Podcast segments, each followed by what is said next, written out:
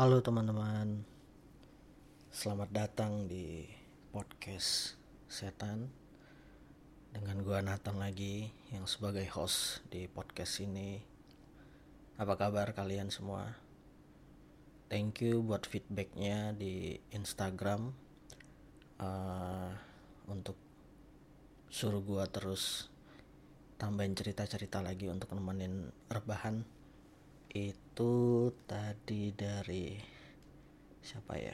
Lupa. Sebentar. Aku buka dulu. Gua buka dulu. Namanya Wahyu Wahyuni Arif. Thank you buat feedbacknya uh, Wahyuni Arif. Komen di Instagram podcast setan. Ditunggu cerita selanjutnya buat nemenin rebahan. Ya gua gua akan pasti terus belajar konsisten untuk kasih cerita-cerita baru. Baik itu cerita dari kalian atau cerita gue pribadi yang gue alamin baik langsung atau secara tidak langsung. Sebelum itu gimana kabar teman-teman semua di luar sana yang lagi dengerin? I hope you guys stay healthy uh, kita dijauhkan dari virus corona ini.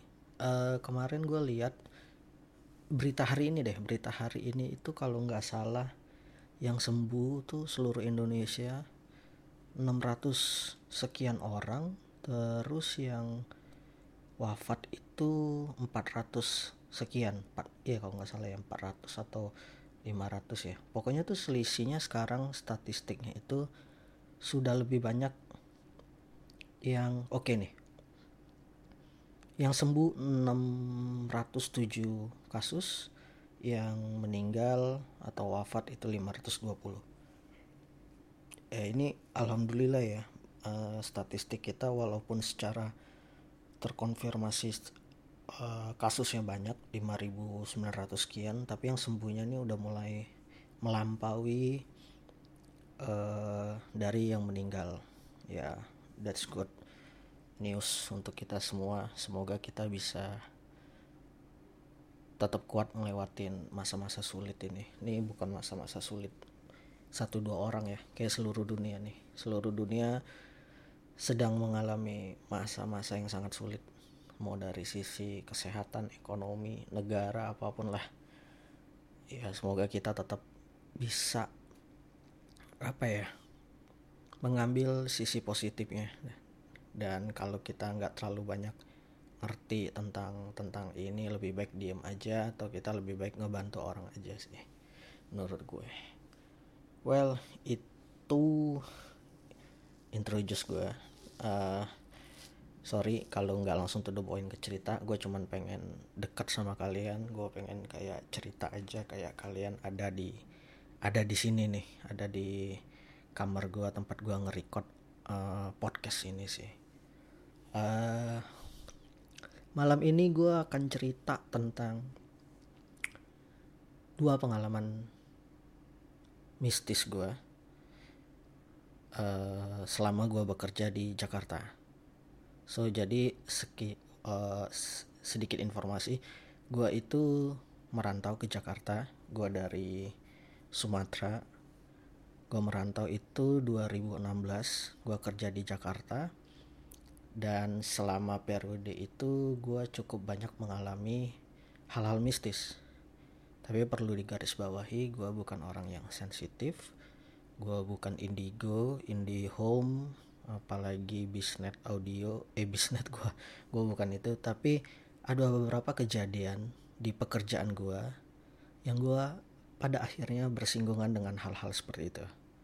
So malam ini gue akan ceritain dua pengalaman yang menurut gue satu itu seram banget bagi gue tentunya. Yang kedua itu sebenarnya seram dan menakutkan tapi telat gue menyadarinya. Jadi gue kayak agak sekitar satu atau dua jam setelah gue mengalami gue baru ngeh bahwa itu ternyata menakutkan. Oke, okay? Tanpa banyak bicara lagi gue akan ceritain. Tapi sebelum itu kita dengerin dulu intro kita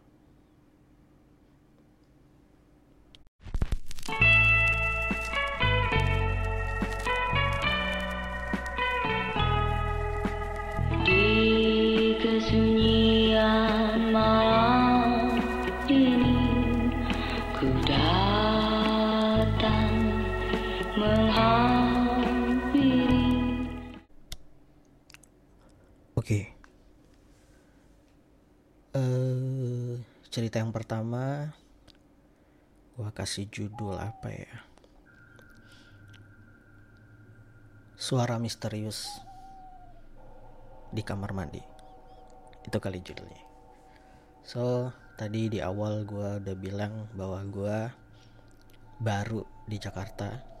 Gue baru merantau ke Jakarta itu 2016 gue akan cerita sedikit awal ya tentang uh, tahun gue ke Jakarta dan gue kerja di mana supaya kita relate ya kejadian demi kejadian ini karena gue mengalaminya di tempat pekerjaan gue oke okay? tapi dengan singkat dan gue uh, efektifkan atau efisienkan lah supaya teman-teman gak terlalu pusing untuk nalarnya oke okay? so 2016 gue tepatnya bulan September gue datang ke Jakarta gue diterima kerja di salah satu rental lighting untuk event-event konser, uh, wedding, corporate event dan segala macam lah uh, yang menyangkut tentang kebutuhan lighting panggung. Gue diterima di salah satu perusahaan rental lighting di Jakarta dan tempat perusahaan gue bekerja ini bekerja sama dengan salah satu venue yang sering salah satu venue yang bisa dibilang itu menjadi tempat uh, berlangsungnya konser atau event corporate function room lah ya bisa disebut. Uh, function hall itu di salah satu mall yang ada di daerah Kuningan. Di daerah Kuningan kan banyak tuh mall. Nah di mall ini di lantai tiganya itu ada function hall. Jadi uh, function hall ini bekerja sama dengan perusahaan gua. So setiap event yang diadakan di function hall ini atau di venue ini kita sebut akan memakai atau menyewa lighting gua. Seperti itulah singkat ceritanya. 2016 September gua masuk. Kemudian gua tentunya sebagai uh, anak yang sedang training atau probation gua dikenalkan salah satu senior di perusahaan gua sebut aja siapa ya? Uh, Mas A lah. Mas I, Mas A ini sebagai supervisor di venue tersebut. Perwakilan dari perusahaan gua. So gua disuruh direktur gua untuk belajar selama tiga bulan dengan Mas A ini. Kemudian singkat cerita gue berkenalan gue gue sering ke event atau gue juga suka ke lapangan segala macam nah yang perlu kalian tahu uh, loadingan untuk setup lighting itu biasanya malam. Venue itu mengizinkan biasanya untuk orang setup itu kru setup itu sekitar jam 10 malam ke atas atau jam 12 ke atas.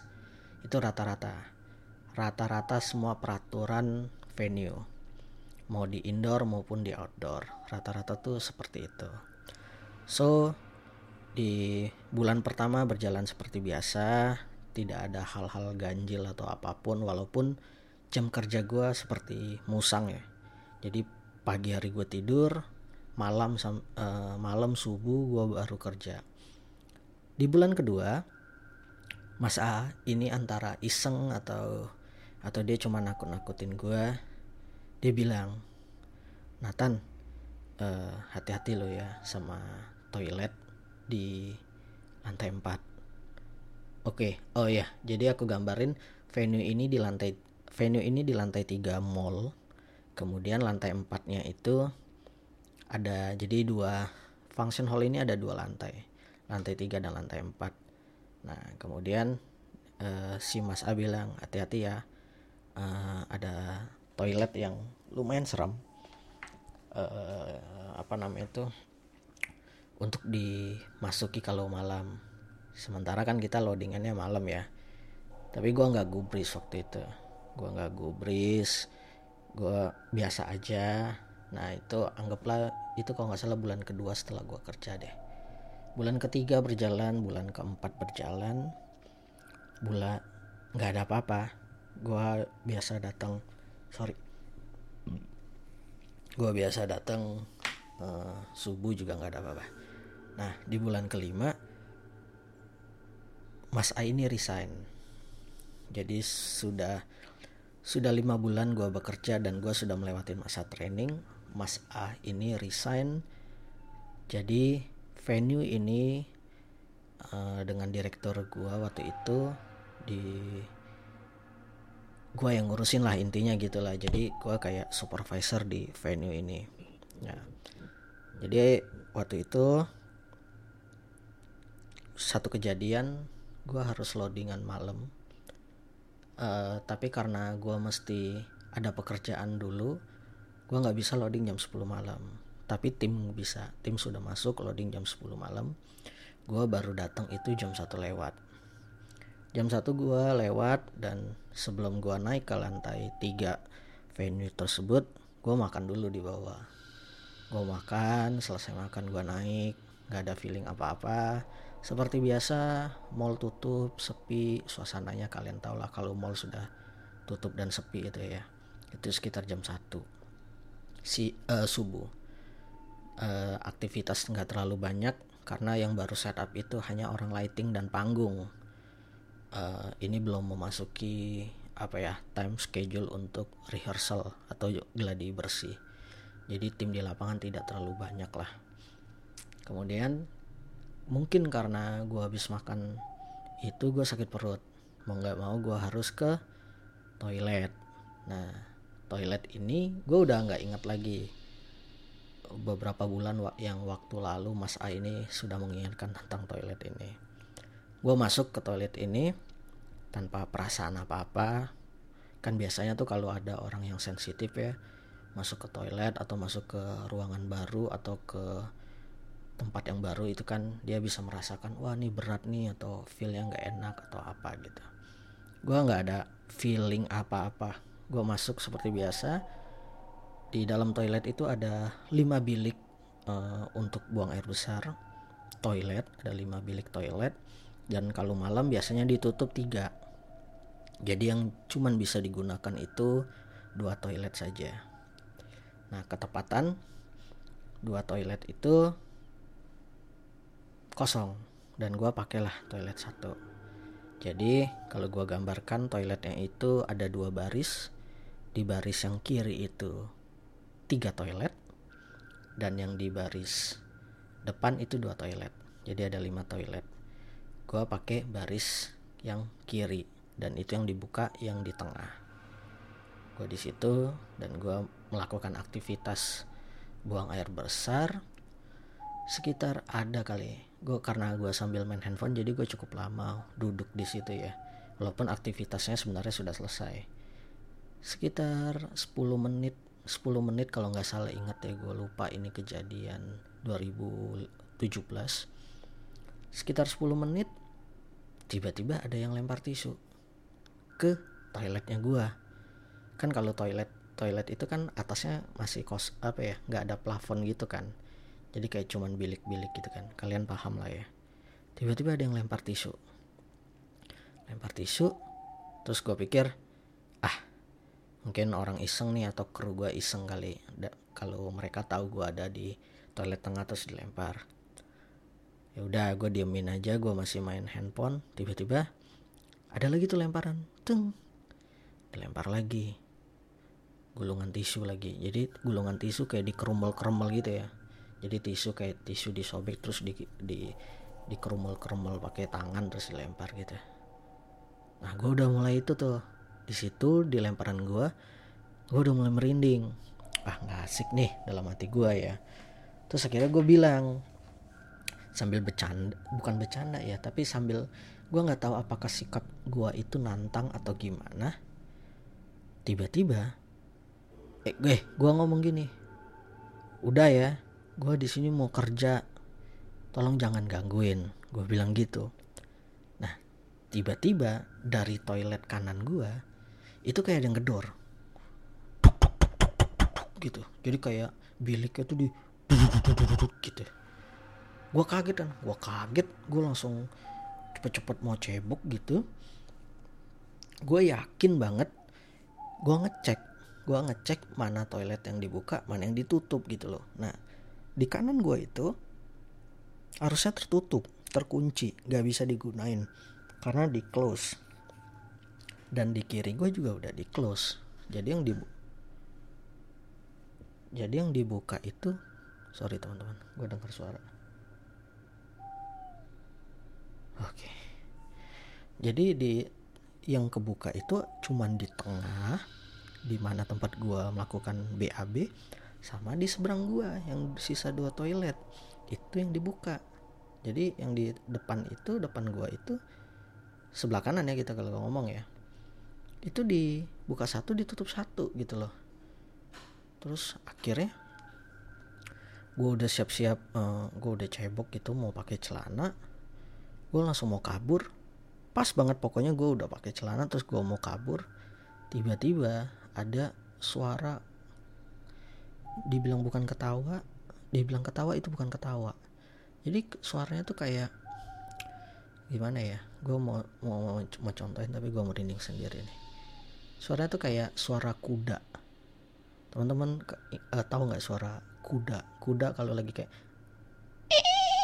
gitu tapi bukan bukan kayak suara kuntilanak kuntilanak yang di film-film atau yang selama ini orang-orang ceritakan atau MP3 kuntilanak kan banyak tuh uh, audio-audio tentang kuda. Suaranya tuh kayak suara kuda. Tapi kayak satu tarikan nafas kayak gitu. Dan itu suaranya melengking banget. Jadi tapi nggak lama ya. Jadi begitu gua keluar dari bilik itu mau mau ke arah keluar toilet suara itu percis banget. Dan gue yakin banget itu datang dari bilik sebelah kanan gue dan gue nggak berani lewat. Eh sorry. Gue nggak berani lihat ke belakang. Gue langsung kabur sekabur kaburnya tapi ya itu. Karena gue yakin karena gue masih ada di posisi depan toilet sebelah kanan gue itu. Jadi ketawanya itu atau lengkingan suaranya itu sebelum gue sempat keluar dari toilet. Itu itu bener-bener gue gue cerita sekarang aja gue masih merinding. Gue masih inget banget itu suara. Jadi suara itu beneran sat, satu tarikan nafas melengking terus selesai. Kayak cuman berapa ya 3 sampai 5 detik deh. Pokoknya nggak lama suara itu bukan suara ketawa. Jadi cuman eh eh gitu. Uh, ah, gue agak nggak enak sih niruin karena ini kosan jadi takut ya berisik. Gue langsung lari gue langsung masuk ke dalam main hall kru gue ngelihat gue kenapa pak? Kenapa pak? Nggak nggak apa apa gue bilang. Terus akhirnya gue udah nenangin diri gue udah narik nafas gue minta temenin mereka turun ke bawah. Dengan alasan gue ajak ngopi dulu. Yuk yuk istirahat yuk ngopi yuk. Padahal dalam hati gue takut karena gue baru ngalamin kejadian yang apa ya? Ya mungkin itu yang si Mas A itu ngomong waktu gue baru masuk kerja di di pekerjaan gue ini. Dan gue baru mengalaminya itu sekitar lima bulan kemudian gitu loh jadi perkenalan yang telat sih menurut gue dan gue nggak bisa bilang itu suara ketawa karena itu bukan ketawa. Itu hanya seperti lengkingan suara. Percis banget kayak suara kuda. Dan gue memang sendirian banget di toilet itu. Subuh subuh itu. Karena nggak ada orang lain di toilet. Hmm. itulah yang gue alamin di pekerjaan gue di salah satu venue yang suka mengadakan konser atau event corporate di salah satu mall di daerah Kuningan. Uh, mungkin teman-teman bisa mulai menebak-menebak uh, itu mall apa kali. Pokoknya di di mall deh, mall daerah Kuningan yang di lantai 3, lantai 4-nya tempat konser. Oke. Okay itu pengalaman gue yang pertama. Gua, terus gue mau cerita pengalaman gue yang kedua. Ini menurut gue gue mengalaminya cukup aneh dan tidak ada sama sekali perasaan takut waktu itu.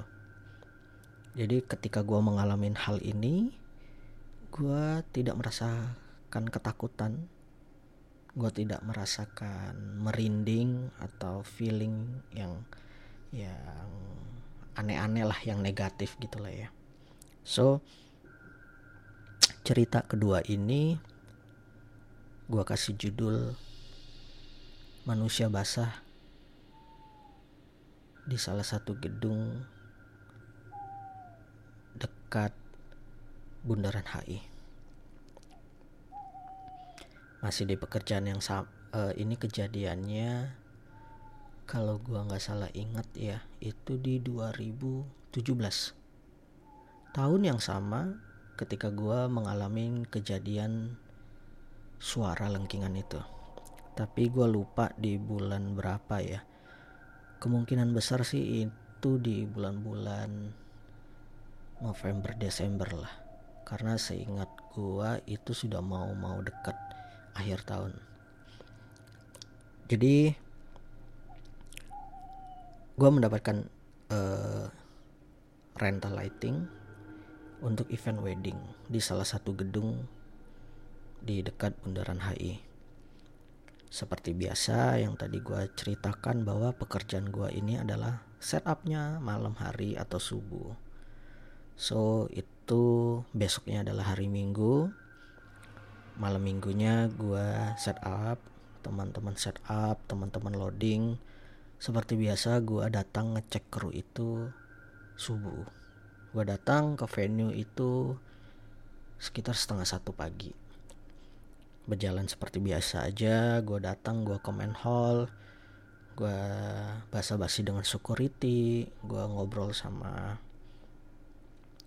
apa namanya tuh teman-teman kru di lapangan. Nah, salah satu kebiasaan gue yang menurut gue jelek adalah gue selalu makan dan minum es sebelum masuk ke venue. Yang di mana adalah suka buat gue sakit perut sendiri dan akhirnya ingin buang air besar lagi. Nah ini agak konyol sih, cuman ya itulah itu, itu itulah gue itulah kebiasaan gue gue tidak mau mengarang. Sama seperti uh, cerita yang pertama. Sebelum gue masuk ke venue itu gue juga uh, makan dan minum uh, minum es. Sekitar jam 2 pagi gue ngerasa gue pengen pipis. Beda ya cerita pertama kan tadi. Gue pengen BAB tapi gue pengen uh, buang air kecil akhirnya gue tanya sapam pak uh, toilet yang buka di sebelah mana ya? Ketepatan gue baru pertama kali ke venue ini. Jadi gue baru dapat orderan pertama kali di venue ini. Jadi gue nggak tahu uh, toilet mana yang buka. Karena toilet kalau sudah malam atau subuh di beberapa gedung itu toiletnya banyak yang dikunci. Dan toilet untuk kru atau untuk vendor itu biasanya dibedakan ya itu mungkin protapnya gedung lah ya. Kemudian sapamnya bilang oh ada pak di lantai tiga. Eh sorry di lantai dua. Tapi bapak uh, tapi bapak nggak bisa naik eskalator. Karena eskalatornya mati bapak naik lift aja. So gua naik lah. Gua naik lift itu di lantai dua. Di lantai dua ternyata tutup toiletnya sama sekali nggak ada perasaan aneh perasaan merinding walaupun koridor uh, perkantorannya apa sih namanya kalau di gedung itu kan banyak kantor-kantor ya itu udah mati lampu gelap gitu dan remang-remang. Nggak ada kejadian apa-apa gue turun lagi ke lantai lantai G. Terus gue tanya pak itu toilet lantai dua tutup tuh. Oh gitu. Mungkin dalam hati gue aduh nih siapa minta duit kopi kali ya? Jadi ngerjain gue karena gue vendor pertama biasa itu hal biasa di lapangan kan. Terus dia bilang oh ya udah pak di lantai 9 aja. Beneran buka kan ya pak? Bilang, oh ya buka kok pak. So gue naik lah ke lift lagi. Gue naik ke lift berjalan seperti biasanya tidak ada kejadian apa-apa. Nyampe gue di lantai 9 gue melewatin koridor lorong perkantoran yang sepi dan gelap itu akhirnya gue menemukan toiletnya dan gue buang air kecil. Sama sekali tidak ada kejadian apa-apa. Gue pun tidak merinding gue pun tidak ketakutan karena situasinya gelap. Begitu gue balik ke lift untuk turun ke lantai G ke lantai ground gue mencet lantai G. Kemudian lift gue berhenti di lantai 7 lift gue berhenti di lantai 7 tiba-tiba ada datang seorang bapak-bapak. Tapi itu orang asing. Uh, eh, gue nggak bisa bilang itu orang uh, Tiongkok atau orang Jepang. Tapi kalau gue boleh nebak itu sepertinya orang Jepang. Pakaiannya rapi uh, pakai jas lengkap seperti orang-orang kantor lah ya eksekutif eksekutif itu pakai jas pakai dasi bawa apa sih tas tas tas apa ya tas jinjing gitu loh ya. Bukan backpack ya tapi tas jinjing. Ya kayak itulah eksekutif eksekutif. Kalian bisa bayangin lah ya. Mungkin umurnya kalau gua tebak ini sekitar 40 sampai 50 lah. Udah cukup tua uh, kelihatannya seperti orang Jepang tapi basah. Seluruh tubuhnya tuh basah. Jadi kayak apa ya? Kayak orang habis kecemplung gitu loh. Teman-teman bayangin ya ada orang pakai pakaian lengkap hmm, pakai jas gitu sepatu pantofel orang kantoran tapi baju basah. Basah basah. Bukan basah keringetan. Kalau basah keringet kan kan agak beda ya. Ini basah lepek jadi dia masuk walau dia masuk tanpa menyapa dan gue juga cuek dalam hati gue ya udahlah ya orang asing ngapain gue pakai basa basi dan ini sudah jam 2 lewat men. Oh gue udah setengah ngantuk nggak peduli lah. Dia masuk dia diem nggak mencet apa pun. Gue masih mencet G gue pikir ya udah mungkin dia turunnya sama gue di G. Karena G itu kan parkiran ya. Abis G itu bawahnya parkiran. Lower ground ya. Yang aneh adalah yang pertama orangnya ini basah sama sekali dan di sepatunya itu uh, bukan keluar air ya tapi seperti kehujanan gitu loh.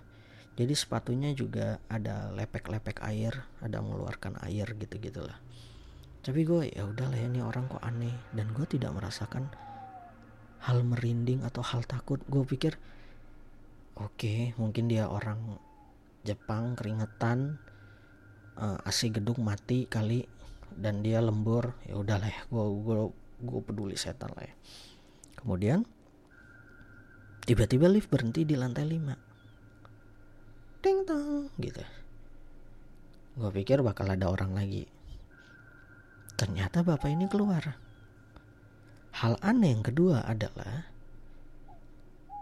dia bahkan gak mencet turun di lantai 5 dan gue pun tidak mencet di lantai 5 kalau teman-teman tahu uh, di lift kan kalau kita mencet itu tombolnya jadi warna merah atau warna orange gitu kan.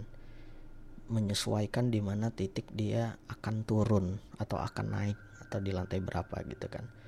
Sementara yang gue pencet G itu ya orange gitu loh. Tapi ini kenapa tiba-tiba di lantai 5 kebuka? Singkat cerita lantai 5 kebuka dan orang ini keluar. Keluar jalan seperti biasa. Napak kakinya napak gak aneh-aneh. Cepek cepek cepek gitulah. Jalan pelan biasa belok kanan. Setelah orang ini jalan jauh gue tuh penasaran akhirnya gue hold sebentar pintu lift. Gue ngintip ke kanan. Kelihatan masih orangnya. Kelihatan koridor jauh gitu terus belok kiri. Kalau belok kiri udah blind spot. Udah nggak nggak nggak kelihatan apa apa karena pertama gelap dan itu sudah kayak pintu perkantoran lah.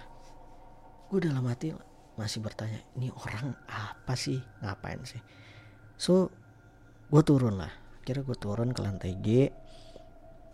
Setelah ngobrol-ngobrol sama kru lagi gue pamit pulang. Kebiasaan gue di lapangan adalah ketika gue pulang gue akan menemui security untuk kasih uang rokok lah. Dalam tanda kutip lah ya jadi untuk apa ya bisa dibilang? Ya untuk bisa jagain anak-anak gue di lapangan atau untuk loadingannya dipermudah gue datang ke salah satu security di ballroom. Gue ngobrol-ngobrol segitu. Kemudian gue pernah uh, keinget tentang si Jepang tadi. Gue nggak tahu ya itu orang Jepang atau enggak ya. Uh, yang tapi perawakannya seperti bapak-bapak orang Jepang gitu loh well kira gue ngobrol. Pak mau nanya nih ya sorry nih gue bilang emang masih ada yang suka lembur ya malam-malam ya? Terus si, si siapa mau nanya? Ah lembur? Ya nggak ada lah mas. Ini kan hari Sabtu. Gue juga baru nggak oh iya ya. Ini kan hari Sabtu ya. Loh emang mas kenapa mas?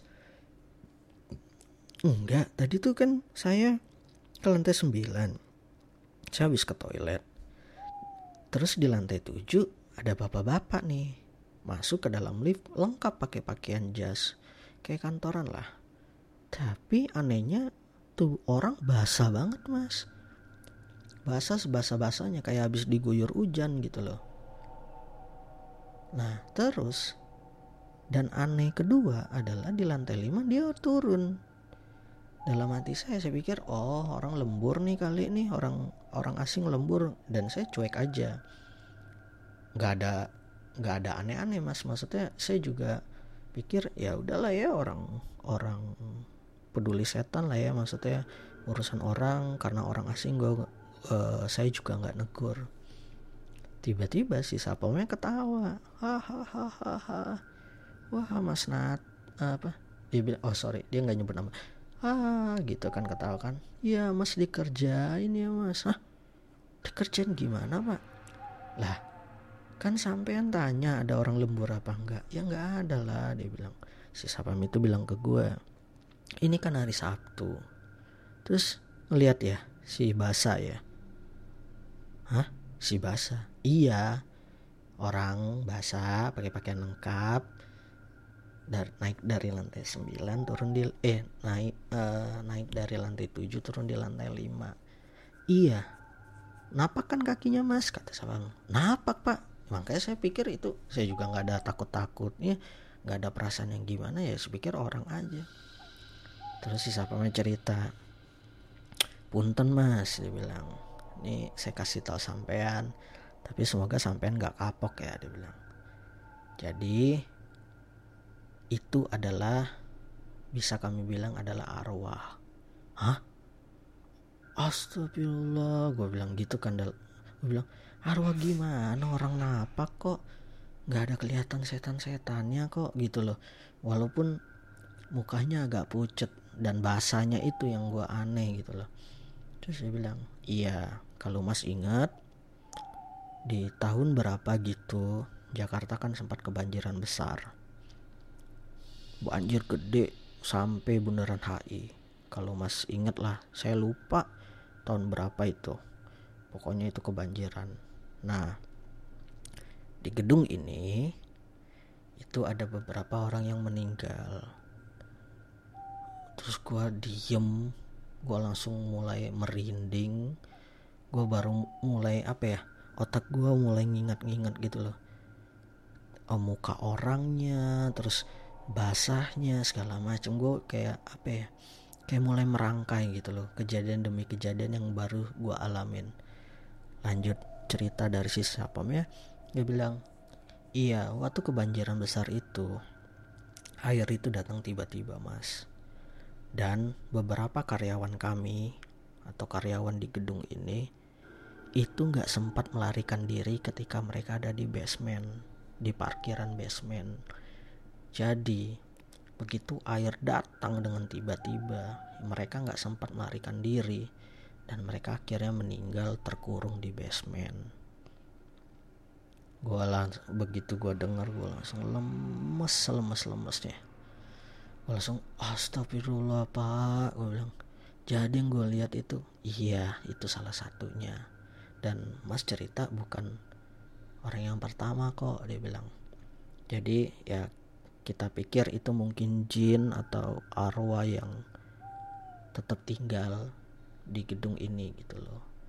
Cuman kan memang pihak gedung beberapa pihak gedung di dekat bundaran HI ini membayar media untuk tidak menceritakan karena orang takut nanti stigma mistisnya ada gitu loh. Tapi beberapa vendor mengalaminya gitu. Dan gue langsung gimana ya gue langsung takut tapi takut gue telat karena gue udah mau jalan balik gitu. Gue langsung astagfirullah pas apa? Ya ampun jadi yang gue lihat itu setan ya gue bilang gitu.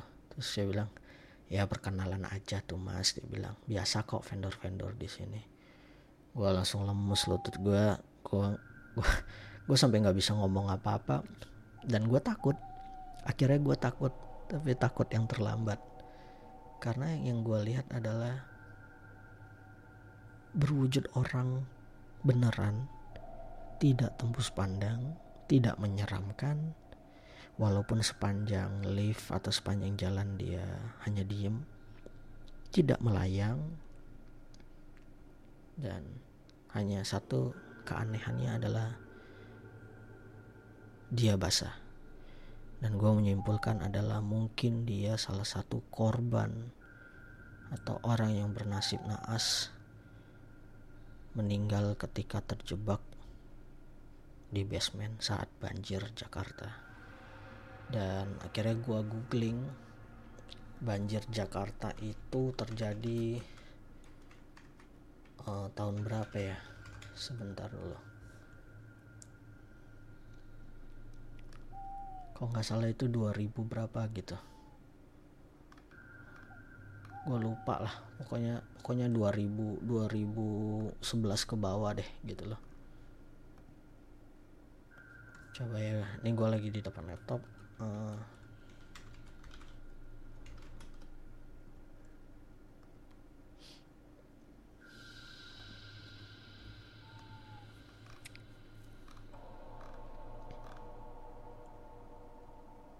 dua ribu tiga belas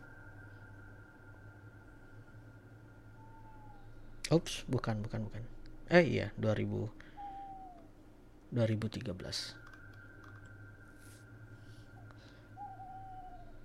Gua baca sedikit ya dari berita. Bencana itu menyebabkan 20 korban meninggal dan 33.500 orang mengungsi. Nah, itu dia. So, uh, cerita kedua ini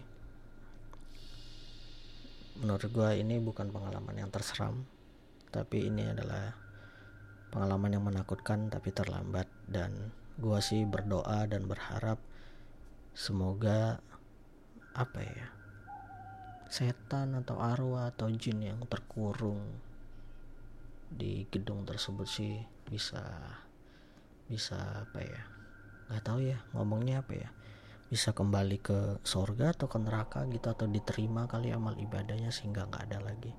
Tapi sejak kejadian itu seiring berjalannya waktu gue sering mendapatkan orderan lagi di venue tersebut dan gue tidak pernah mengalami kejadian yang sama. Bahkan melihat atau merasakan uh, walaupun gue sebenarnya juga tidak pernah ke lantai 9 itu lagi. Karena gue mulai memperbaiki kebiasaan gue untuk tidak makan di tengah malam dan tidak minum es di tengah malam supaya mengurangi kebiasaan gue yang menyebabkan gue ke toilet-toilet venue yang sudah gelap di subuh-subuh hari. So, itu dulu cerita gue teman-teman.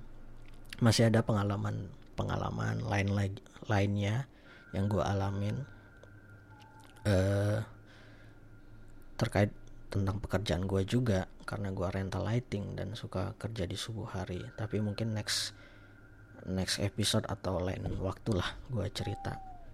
So gue minta maaf kalau ceritanya atau urutan ceritanya agak sedikit terbalik-terbalik. Karena gue juga sedang belajar untuk menjadi storyteller. So semoga kalian uh, mengerti apa yang gue maksud apa yang gue ceritakan dan jangan lupa kalau kalian punya cerita silakan kirim ke podcastsetan@gmail.com uh, jangan lupa follow juga podcastan podcast setan di Instagram. Kalian juga bisa kirim uh, cerita-cerita kalian atau ide kalian mau bawain tentang apa lagi. Nanti gue akan ceritakan gue akan kurasi dan akan gue ceritakan di podcast ini mungkin segitu dulu di episode kedua. Uh, stay healthy teman-teman. Tetap jaga jarak social distancing physical distancing. Dan semoga kita bisa melewati masa-masa sulit pandemi corona ini dengan baik dan sehat.